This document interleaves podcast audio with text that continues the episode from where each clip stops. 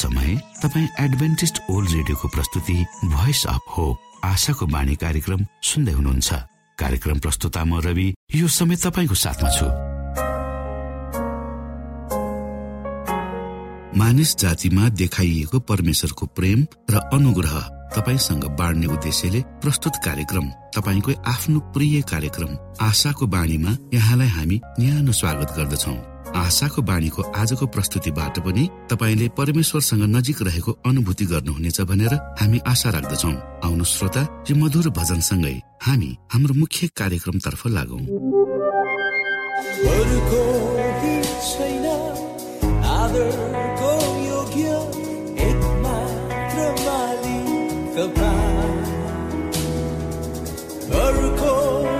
छैन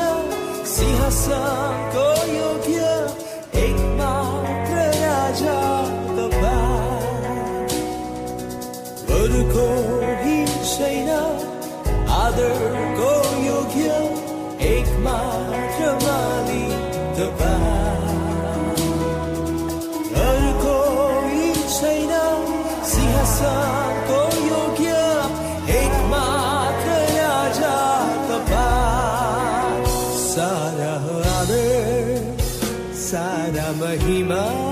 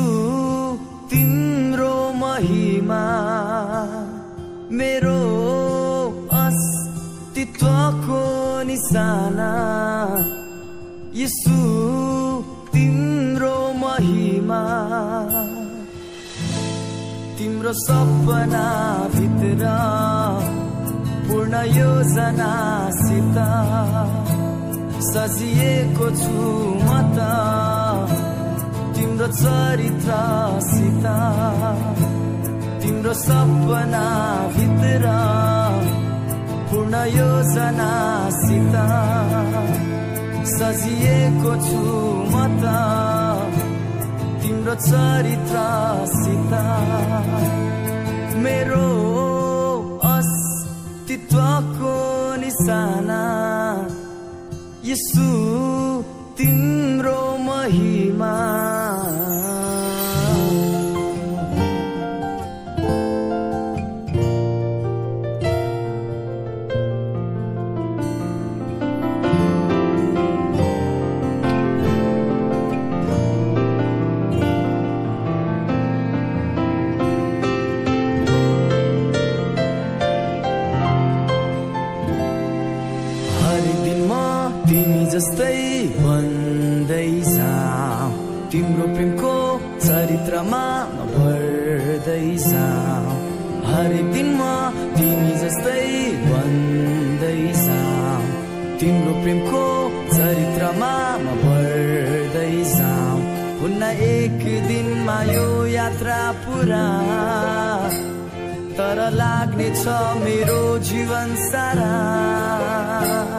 हुन्न एक दिनमा यो यात्रा पुरा।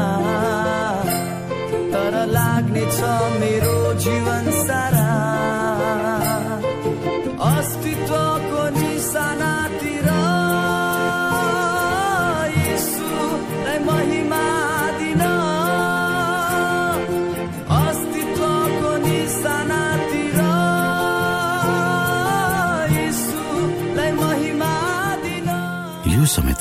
एडभेन्टिस्ट ओल्ड रेडियोको प्रस्तुति भोइस अफ होप। आशाको बाणी कार्यक्रम सुन्दै हुनुहुन्छ। श्रोता मित्र यो समय हामी पास्टर उमेश पोखरेलबाट आजको बाइबल सन्देश सुन्नेछौ। शुद्ध साथी न्यानो अभिवादन साथ म तपाईँको आफ्नै आफन्त पास्टर उमेश कुमार पोखरेल परमेश्वरको वचन लिएर तपाईँहरूको बिचमा पुनः उपस्थित भएको छु। श्रोता मलाई आशा छ तपाईँले हाम्रा प्रस्तुतिहरूलाई नियमित रूपमा सुन्दै हुनुहुन्छ। र परमेश्वर को हुनुहुन्छ भन्ने कुरो आफ्नै जीवनद्वारा अनुभव गर्दै हुनुहुन्छ। आउनुहोस् आजको प्रस्तुतिलाई पस गर्नुभन्दा पहिले म परमेश्वरमा अगुवाईको लागि बिन्ती राख्नेछु।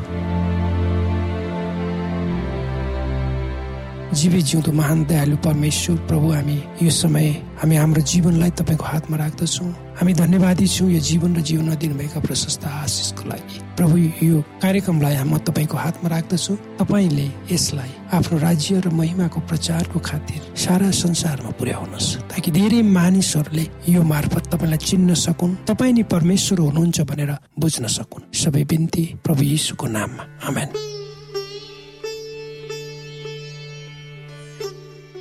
श्रोत साथी हिजो झै आज पनि म तपाईँहरूको बिचमा समसामयिक विषयको प्रस्तुति लिएर उपस्थित भएको छु। आजको मेरो प्रस्तुतिको शीर्षक छ खेल मैदान। ओलम्पिक खेलमा प्रतिस्पर्धा गर्ने खेलाडीहरूलाई देख्दा मलाई अचम्म लाग्छ। उनीहरूले प्रतियोगिताको मैदानमा आफ्नो लक्ष्यमा पुग्न गरेको प्रयासलाई हेर्दा आफ्नो सास रोकिए जस्तो अनुभव हुन्छ। र मैदानमा प्रतियोगितामा भाग लिने खेलाडीहरूको प्रस्तुति देख्दा दर्शकहरूमा एक किसिमको अव्यक्त बैचनी हुन्छ। जब एउटा टिमले अर्को टिममाथि सफलतापूर्वक गोल प्रहार गर्छ उक्त टिमको पक्षमा दर्शकहरू खुसीले चिच्याउँछन् भने अर्को पक्ष शान्तमा निराश हुन्छ। यो एउटा प्रक्रिया हो श्रोता। खेलमा एक पक्ष जित्ने र अर्को पक्ष पराजित हुने तर पनि यो खेल भने कहिले पनि रोकिँदैन। के तपाईँले कहिले सोच्नु भएको छ? ती खेल मैदानमा प्रतियोगितामा भाग लिने खेलाडीहरूले आफूलाई उक्त मैदानमा उतार्नको लागि कति मेहनत र परिश्रम गर्छन्। आफू प्रतियोगितामा भाग लिन र सफल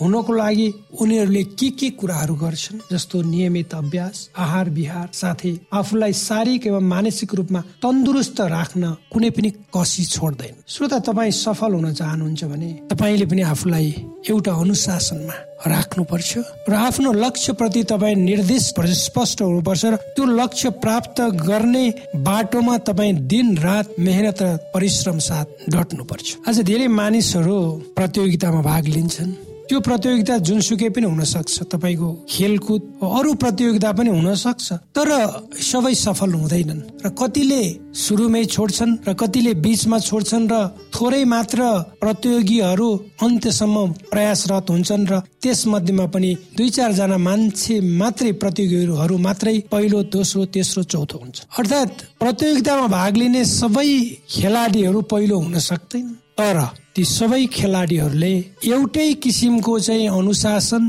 एउटै किसिमको नियम र व्यवस्थालाई पालन गर्नुपर्छ जसरी एउटा प्रतियोगितामा भाग लिने त्यो पहिलो नम्बरमा विजय हुने खेलाडी हुन्छ। पवित्र धर्मशास्त्र बाइबलको लुका भन्ने अध्यायको चौबिस पदले भन्छ साँगुरो ढोकाबाट पस्ने प्रयत्न गर किनकि तिमीहरूलाई भन्दछु धेरैजना पस्न खोज्छन् तर सक्दैन अर्थात् यदि तपाईँ सफल हुन चाहनुहुन्छ भने श्रोता साँगुरो बाटोमा भएर आफू पस्नको लागि सदैव हामीले प्रयत्न गर्नुपर्छ। साँगुरो बाटो अप्ठ्यारो हुन्छ। त्यहाँ नियमहरू हुन्छन् कानुनहरू हुन्छन् त्यहाँको सबै कुराहरू ठिक ठिक समयमा हामीले गर्नुपर्छ। हामीले हाम्रो खानपिन हाम्रो दैनिक जीवन सबैमा सन्तुलन हुनुपर्छ। श्रोत साथी यो संसार भनेको एउटा खेल मैदान हो। त्यसमा हामी भएका हामी तपाईँ हामीहरू हामी खेलाडी हो। जानेर वा नजानेर। बुझेर नबुझेर हामी एउटा सांसारिक एउटा द्वन्द छ खराब र असल छ। एउटा चाहिँ असल छ जो परमेश्वर हुनुहुन्छ खराब छ सैतान छ। त्यो बिचमा भएको युद्ध छ युद्धको युद्धमा चाहिँ हामी लडिरहेका छौँ। यो युद्ध हाम्रो हाम्रो मनमा दिमागमा हामी लडिरहेका छौँ। शारीरिक युद्ध होइन। अर्थात् हामी सैतानसँग एउटा युद्धमा छौँ। अर्थात् तपाईँ हामी यो संसारको पापमय स्वभावसँग हामी युद्धरत छौँ। र सैतानले तपाईँ हामीसँग काने खुसी गर्न सक्छ। र सैतानले भन्न सक्छ कि परमेश्वरको वचन पुरानो भइसक्यो मान्नु पर्दैन। आफूलाई जे मन लाग्छ त्यही गर। परमेश्वरले भनेको मान्नु पर्छ भन्ने छैन। आफ्ना आमा बाले भनेको मान्नु पर्छ भन्ने छैन। वा आफ्नो अभिभावकले भनेको मान्नु पर्छ भन्ने छैन। किन सैतान हाम्रो प्रतिद्वन्दी हो। र उसले विभिन्न तिगडमहरू अपनाउँछ। हामीलाई यो युद्धमा पराजय गराउनको लागि ताकि हामी हामी पराजित हौ भन्ने ऊ चाहन्छ। तर यदि तपाईँ र मैले आफूलाई परमेश्वरको वचनभित्र हिँडायौँ भने र सैतानको बहकाममा लागेनौ भने हामी यो संसारिक युद्धमा यो असल र खराब बिच भएको युद्धमा हामी असफल हुँदैनौँ हामी सफलै हुन्छौँ। किन जब तपाईँ परमेश्वरको वचनभित्र रहनुहुन्छ र हिँड्नुहुन्छ तब परमेश्वरको वचनले परमेश्वरको सुरक्षा कवचले तपाईँ र मलाई सुरक्षा गर्दछ। र हाम्रा हात हतियारहरू भनेको परमेश्वरका वचनहरू हुन्छन्। यदि हामीले परमेश्वरको कवचभित्र रहेनौँ भने हामी शैतानको पक्षमा हुन्छौँ र हामी अन्त हामी नाश हुन्छौँ। एउटा सफल खेलाडी वा प्रतियोगीमा विजय हुने वा पहिलो स्थान प्राप्त गर्ने त्यो लक्ष्य हुन्छ त्यो स्वाभाविक हो। र त्यो लक्ष्यमा पुग्नको लागि त्यो खेलाडी आफूले खेल्ने खेल कुन हो त्यो विषयमा ऊ जानकार हुनु पर्यो। अर्थात् ऊ कुन खेलमा ऊ सहभागी हुँदैछ। त्यसपछि उक्त खेलमा भाग लिनको लागि के के कुराहरू उसले चाहिँ पालन गर्नुपर्छ? त्यसको नियम के हो? त्यो कुरो पनि उसलाई थाहा हुनु पर्यो। निश्चय हुनु पर्यो। जब उसको खेल र त्यो खेलमा विजय हुनको लागि पालन गर्नुपर्ने नियम कानुनहरूको कुरामा ऊ ज्ञात हुन्छ। त्यसपछि ऊ आफ्नो गन्तव्यमा स्पष्ट हुन्छ र आफ्नो लक्ष्यमा कसरी पुग्ने भन्ने कुरामा ऊ लाग्दछ। त्यसपछि मात्र त्यो खेलाडी त्यो प्रतियोगी चाहिँ सबै कुरो त्यसमा लगाएर मन मस्तिष्क उसको सारा शारीरिक शक्ति उसको समय सबै त्यसमा खर्चन्छ र ऊ त्यसमा विजय हुन सक्छ। र यदि एउटा खेलाडीले खेलको नियमभित्र रहेर खेल खेल्छ भने ऊ सफल हुन्छ। हाम्रो जीवन पनि त्यही हो श्रोता। हामीले देखेका छौँ खेलाडीहरू प्रतियोगितामा भाग लिन भन्दा पहिले कति मेहनत र परिश्रम गर्छ अनुशासनभित्र बस्छ उनीहरूको खानपिन शारीरिक अभ्यास दैनिक जीवनचर्या सबै कुराहरूमा तालमेल एवं सन्तुलन हुन जरुरी छ। ठिक समयमा बिहान उठ्ने शारीरिक अभ्यास गर्ने सन्तुलित भोजन गर्ने सकारात्मक सोचाइ अनि राख्ने यी सबै कुराहरू आवश्यक कुराहरू प्रतियोगितामा आफूलाई उभ्याउनको लागि एउटा खेलाडीले गर्ने कुराहरूमा उसको सफलता वा असफलताको निर्धारण हुन्छ। अर्थात् त्यो खेलाडी सफल हुन्छ हुँदैन भन्ने कुरो त्यो खेलाडीमै निर्भर गर्छ भन्न खोजेको। अझ धेरै मानिसहरूको मन स्थिर हुँदैन। उनीहरू एकै पटक धेरै कुराहरू गर्न चाहन्छन् र असफल हुन्छ जीवनमा निराश हुन्छ यदि तपाईँ जीवनमा सफल हुन चाहनुहुन्छ भने एउटा कुरामा आफूलाई उभ्याउनुहोस् र एउटा कुरामा त्यसैमा मेहनत परिश्रम दिन रात गर्नुहोस्। तपाईँले बाधा अवरोधहरूको सामना गर्नुपर्ने हुन्छ। त्यसबाट विचलित नहुनुहोस्। निरन्तर लागिरहनुहोस्। सफलता एक दिन तपाईँको पोल्टोमा आफै आउँछ श्रोता। संसार एक खेल मैदान हो। हामी त्यस खेल मैदानका खेल्ने खेलाडी हौ। सांसारिक जीवन यात्राको क्रममा हामीले धेरै खेलहरूमा सहभागी हुनेछौँ। र हामी जित्छौँ वा हार्छौँ त्यो हामीमा नै निर्भर गर्छ। हाम्रो जीवनको प्रमुखता के हो? हामी कहाँ जाँदैछौँ र कुन किसिमको कुन कुराले हाम्रो जीवनको प्रमुखता के हो? हामी कहाँ जाँदैछौँ? कुन कुराहरूले हाम्रो यात्रालाई अगाडि बढाउँछौँ? त्यो महत्वपूर्ण रहन्छ। श्रोत साथी संसार एक खेल मैदान हो। हामी त्यो खेल मैदानमा हामी सहभागी छौँ जानेर नजानेर। र त्यो एउटा एउटा द्वन्द त्यहाँ संसारमा भइरहेको छ त्यो चाहिँ असल र खराब बिचको द्वन्द त्यसमा हामी एउटा पक्षमा छौँ। यदि तपाईँ असलको पक्षमा भएर युद्धरत हुनुहुन्छ भने तपाईँ परमेश्वरको पक्षमा हुनुहुन्छ। परमेश्वरका वचनहरू तपाईँका सुरक्षा कवचहरू हुन्छन् हात हतियार हुन्छन्। यदि तपाईँ खराबको पक्षमा रहेर असलको विरुद्धमा युद्ध गर्दै हुनुहुन्छ भने तपाईँ शैतानको पक्षमा हुनुहुन्छ र शैतानका कवजहरू हात हतियार तपाईँले धारण निर्णय तपाईँको श्रोता परमेश्वरले यी वचनहरूद्वारा तपाईँलाई आशिष दिउन्।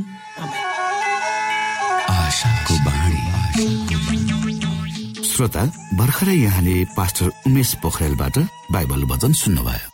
यो समय तपाईँ एडभेन्टिस्ट ओल्ड रेडियोको प्रस्तुति भोइस अफ होप आशाको बाणी कार्यक्रम सुन्दै हुनुहुन्छ।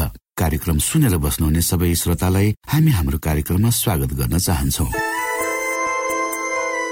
श्रोता मित्र यदि तपाईँ जीवनदेखि हरेस खानु भएको छ तपाईँका जीवनमा धेरै अनुत्तरित प्रश्नहरू छन् भने आउनुहोस् हामी तपाईँलाई परमेश्वरको ज्योतिमा डोहोऱ्याउन चाहन्छौँ। र तपाईँ आफ्नो जीवनका चिन्ता फिक्रीबाट निश्चिन्त हुनुहोस् र बाँच्नुको आनन्द परमेश्वरको सामिप्यमा कति मिठो हुन्छ त्यो चाख्नुहोस् भनी हामी चाहन्छौँ।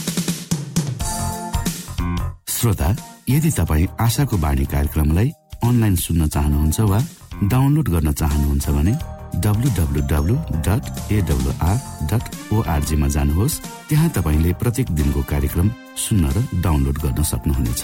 हाम्रो वेब पेज यस प्रकार छ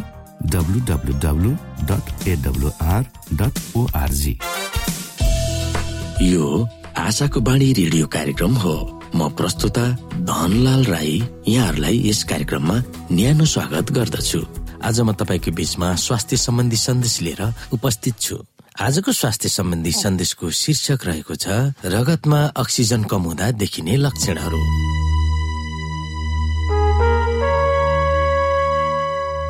श्रोता मानिस बाँच्ने नै अक्सिजनको कारणले गर्दा हो। अक्सिजन बिना कुनै पनि जीवित प्राणी बाँच्न सम्भव छैन। पृथ्वीमा अक्सिजन प्रशस्त मात्रामा पाइन्छ र यही कारणले गर्दा पृथ्वीमा जीवन छ। तपाईँहरू बिरामी भएर अस्पताल जाँदा हातको बुढी औलामा च्याप्ने एउटा सानो मेसिन जोडेको देख्नु भएको छ होला। यस यन्त्रले तपाईँको शरीरमा अक्सिजनको मात्रा कति प्रतिशत छ भनेर नाप्दछ। तपाईँको रगतले फोक्सोबाट कति अक्सिजन बोकेर शरीरभरि पुर्याएको छ उक्त कुरा औलामा जोडिएको मेसिनले देखाउँछ। तपाईँको शरीरमा अक्सिजन कम भएको तपाईँले आफै थाहा पाउन सक्नुहुन्न र तपाईँले थाहा नै नपाई गम्भीर अवस्था आउन सक्छ। तपाईँले सुन्नुभएको छ होला कि जाडो समयमा गिजरबाट नुहाउने क्रममा बाथरुममा नै मानिसको मृत्यु भएको। कोठामा हिटर बालेर सुत्दा मानिसहरूको मृत्यु भएको। उकालो पहाड हिमाल चढ्दा लेक लागेको ठुलो सेफ्टी ट्याङ्कीमा पसेर काम गर्ने क्रममा मानिसहरूको मृत्यु भएको र बचाउन जाने मानिसको पनि मृत्यु भएको खबर। यस्ता खबरहरू धेरै प्राय आइरहन्छन्। यस्ता घटनाहरू अक्सिजन कम भएर हुने गर्दछ। अक्सिजन कम भएको लक्षण व्यक्तिले थाहा नै नपाई मृत्यु हुने गर्दछ। हामीले श्वास फेर्दा हाम्रो फोक्सोले अक्सिजन लिन्छ र रगतले त्यो अक्सिजन बोकेर शरीरभरि पुर्याउँछ तर यदि रगतले अक्सिजन बोकेर शरीरभरि पुर्याउन सकेन भने हामीलाई विभिन्न लक्षणहरू देखिन्छन्। प्राय कामदारहरू अशिक्षित भएर यस्ता कुराको ज्ञान नभएर सेफ्टी ट्याङ्की बनाउने क्रममा ज्यान गुमाउन पुग्छन् भने कतिपय शिक्षित व्यक्तिहरू पनि यस्ता घटनामा परेको पाइन्छ। तपाईँ हामीले मुख्य तीनवटा कुराहरू विचार गरौँ। तपाईँ भएको ठाउँमा पर्याप्त अक्सिजन छ कि छैन त्यो विचार गर्नुहोस् चाहे गुफामा बस्दा होस् अक्सिजन कम हुने बित्तिकै तपाईँको मस्तिष्क कलेजो खराब हुन थाल्छ र शरीरको कोशिकाहरू ओठ नाक मुख हात खुट्टा सबै निलो हुन थाल्छ र केही मिनटमै मस्तिष्कले काम गर्न छोड्छ। रगतमा अक्सिजन कम हुनु अत्यन्तै खतरनाक अवस्था हो। लक्षण देखिँदा देखिँदै मानिसको मृत्यु हुन सक्छ। शरीरमा अक्सिजन कम भयो भने श्वास प्रश्वास छिटो छिटो हुन्छ धेरै थकान लाग्छ सुहा सुहा बढ्छ शरीरले अक्सिजन प्रशस्त मात्रामा नपाउँदा छोटो छोटो श्वास प्रश्वास हुन थाल्छ। जब शरीरले प्रशस्त मात्रामा अक्सिजन प्राप्त गर्न सक्दैन तब टाउको दुख्ने समस्या हुन्छ रिङ्गटा लाग्न थाल्छ कसैको त्यतिकैमा बेहोस भएर मृत्यु पनि हुन सक्छ। ब्लड प्रेसर बढ्छ शरीरभरि पसिना आउँछ आँखा मधुरो हुन थाल्छ मुटुको धड्कन बढ्छ कन्फ्युजन हुन्छ छाती दुख्न थाल्छ। तपाईँले कुनै बन्द कोठामा कुनै ठुलो सेफ्टी ट्याङ्कीमा पस्नु अगाडि यी कुरामा ध्यान पुर्याउनु पर्छ र कोठामा खाल्टोमा गुफामा पस्दा तपाईँले कुनै पनि किसिमको असहज महसुस गर्नुभयो भने तुरन्तै बाहिर प्रशस्त अक्सिजन पाइने ठाउँमा निस्कनु पर्दछ। यस्तो बेलामा तपाईँलाई अक्सिजन कम भएको लक्षणहरू देखिन थालेको हुन्छ। यदि बाहिर निस्कन ढिलो गर्नुभयो भने भन्न सकिन्न मृत्यु पनि हुन सक्छ। त्यसैले कुनै पनि गुफा बन्द कोठा भेन्टिलेटर नभएको घरमा कोठाभित्र लामो समयसम्म बस्नु हुँदैन। यति मात्र होइन तपाईँलाई गम्भीर प्रकारको संक्रमण भएको छ भने पनि तपाईँको शरीरमा प्रशस्त मात्रामा अक्सिजन नपुगेको हुन सक्छ जस्तै कोरोना संक्रमण भएर अस्पताल जाने मानिसहरूमा यो समस्या देखिने गर्छ। यदि तपाईँको शरीरमा अक्सिजन कम छ भने डाक्टरहरूले तपाईँलाई गम्भीर बिरामीको रूपमा राखेर उपचार गर्छन्। कोरोना संक्रमण भएका अधिकांश मानिसहरूको फोक्सोमा समस्या देखिने भएकोले फोक्सोमा निमोनिया हुने भएकोले फोक्सोले प्रशस्त मात्रामा अक्सिजन तान्न सक्दैन। शरीरमा अक्सिजनको कमी हुन थाल्छ जसले गर्दा बिरामी मानिस झनै गम्भीर हुँदै हुँदै जान्छ। हातको औलामा जोडेको सानो अक्सिमिटरले रगतमा कति अक्सिजन छ भनेर देखाउँछ। रगतमा अक्सिजन कम हुने कारणहरू जस्तै शरीरमा रगतको मात्रा कमी हुँदा पनि अक्सिजनको कम हुन सक्छ। फोक्सोमा पानी जमेको छ भने पनि अक्सिजनको मात्रा कम हुन सक्छ। मुटुको धमनीमा रगत जमेको छ भने नियमित चुरोट सेवन गर्नाले फोक्सोको रोगी भएको कारणले गर्दा अक्सिजन कम हुन सक्छ। उच्च हिमाली भागहरूमा जाँदा त्यहाँको वातावरणमा अक्सिजन कम हुने हुँदा मानिसलाई लेक लाग्ने गर्दछ। लेक लाग्नु भनेको शरीरले प्रशस्त मात्रामा अक्सिजन प्राप्त गर्न नसक्नु हो। मुटुको रोगी हुनेहरूलाई पनि रगतमा अक्सिजन कम हुने गर्छ। दमको रोगी मानिसहरूलाई पनि अक्सिजन कम हुने गर्छ। निमोनिया भएको मानिसको शरीरमा पनि अक्सिजन कम हुने हुन्छ। भाइरल संक्रमण हुँदा पनि शरीरमा अक्सिजनको मात्रा कम हुने गर्छ। श्रोता रगतमा अक्सिजन कम हुँदा ध्यान दिनुपर्ने कुराहरू। चुरोट तथा सुर्तीको सेवन गर्नु हुँदैन। धेरै मात्रामा फलफुल तथा सागपात खानुपर्छ। पानी धेरै पिउनुपर्छ। धुवामा बस्नु हुँदैन। विभिन्न ग्यास तथा प्लान्टहरूमा सेफ्टीको प्रयोग गरेर मात्रै जाने गर्नुपर्छ। गहिरो श्वास लिने गर्नुपर्छ। श्वास तान्ने र एक मिनटसम्म रोकेर बिस्तारै छोड्ने गर्नुपर्छ। रगतमा अक्सिजन कम हुनु ज्यादै खतरनाक अवस्था हो। जति जति अक्सिजन घट्दै जान्छ उति उति मानिस बेहोस हुने अवस्थामा पुग्छ र थाहा नै नपाई सुतेकै ठाउँमा मृत्यु पनि हुने गर्दछ। यसैले श्रोता यी अवस्थामा हामी पूर्ण रूपमा होसियारी साथ अगाडि बढ्नु पर्दछ।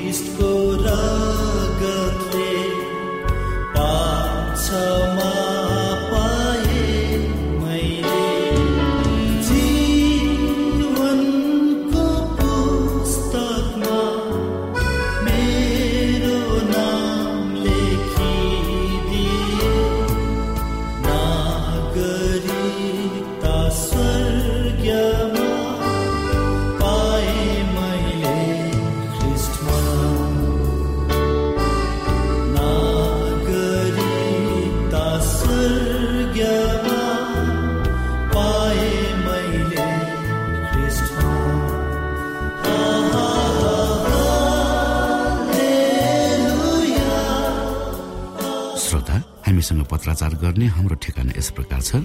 आशाको बाणी पोस्ट बक्स नम्बर दुई शून्य शून्य शून्य दुई काठमाडौँ नेपाल। श्रोता यदि तपाईँ हाम्रो स्टुडियोको नम्बरमा सम्पर्क गर्न चाहनुहुन्छ भने हाम्रा नम्बरहरू यस प्रकार छन्। अन्ठानब्बे एकसाठी पचपन्न शून्य एक सय बिस। अन्ठानब्बे एकसाठी पचपन्न शून्य एक सय बिस। र अर्को अन्ठानब्बे अठार त्रिपन्न पन्चानब्बे पचपन्न। अन्ठानब्बे अठार त्रिपन्न पन्चानब्बे पचपन्न।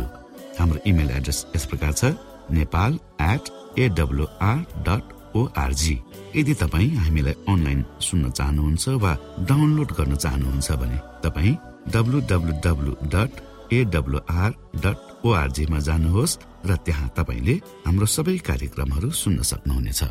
हवस् त श्रोता भोलि फेरि यही स्टेशन र यही समयमा यहाँसँग भेट्ने आशा राख्दै प्राविधिक साथी राजेश आडा पास्टर उमेश पोखरेल र कार्यक्रम प्रस्तुता म रवि। यहाँसँग विदा माग्दछौ। नमस्कार।